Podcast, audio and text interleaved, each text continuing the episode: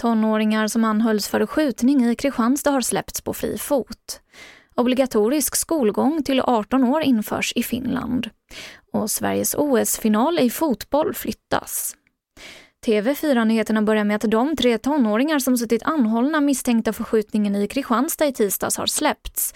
Det här skriver Åklagarmyndigheten i ett pressmeddelande.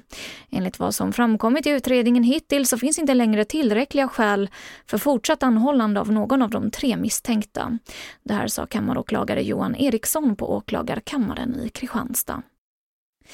Så till Finland som nu genomför en ny reform som gör att skolgången blir obligatorisk fram tills att man fyllt 18. Reformen betyder också att alla läromedel blir gratis. Beslutet får kritik från motståndare till reformen som menar att man inte ska fokusera på de som hoppar av gymnasiet. Juli månad var den första månaden som polis kunnat bötfälla vattenskoterförare. Vi hör reporter Per Liljas. Snabba, högljudda och närgångna vattenskotrar har varit ett växande störningsmoment på svenska vatten de senaste åren. För att stävja det har regeringen möjliggjort böter på 1500 kronor för förargelseväckande beteende. När nu den första månaden kan summeras med den nya påföljden visar det sig att omkring 30 personer har bötfällts, rapporterar Sveriges Radio. Och så till sist kan vi berätta att OS-finalmatchen i damernas fotboll mellan Sverige och Kanada planerades till 11.00 lokal tid.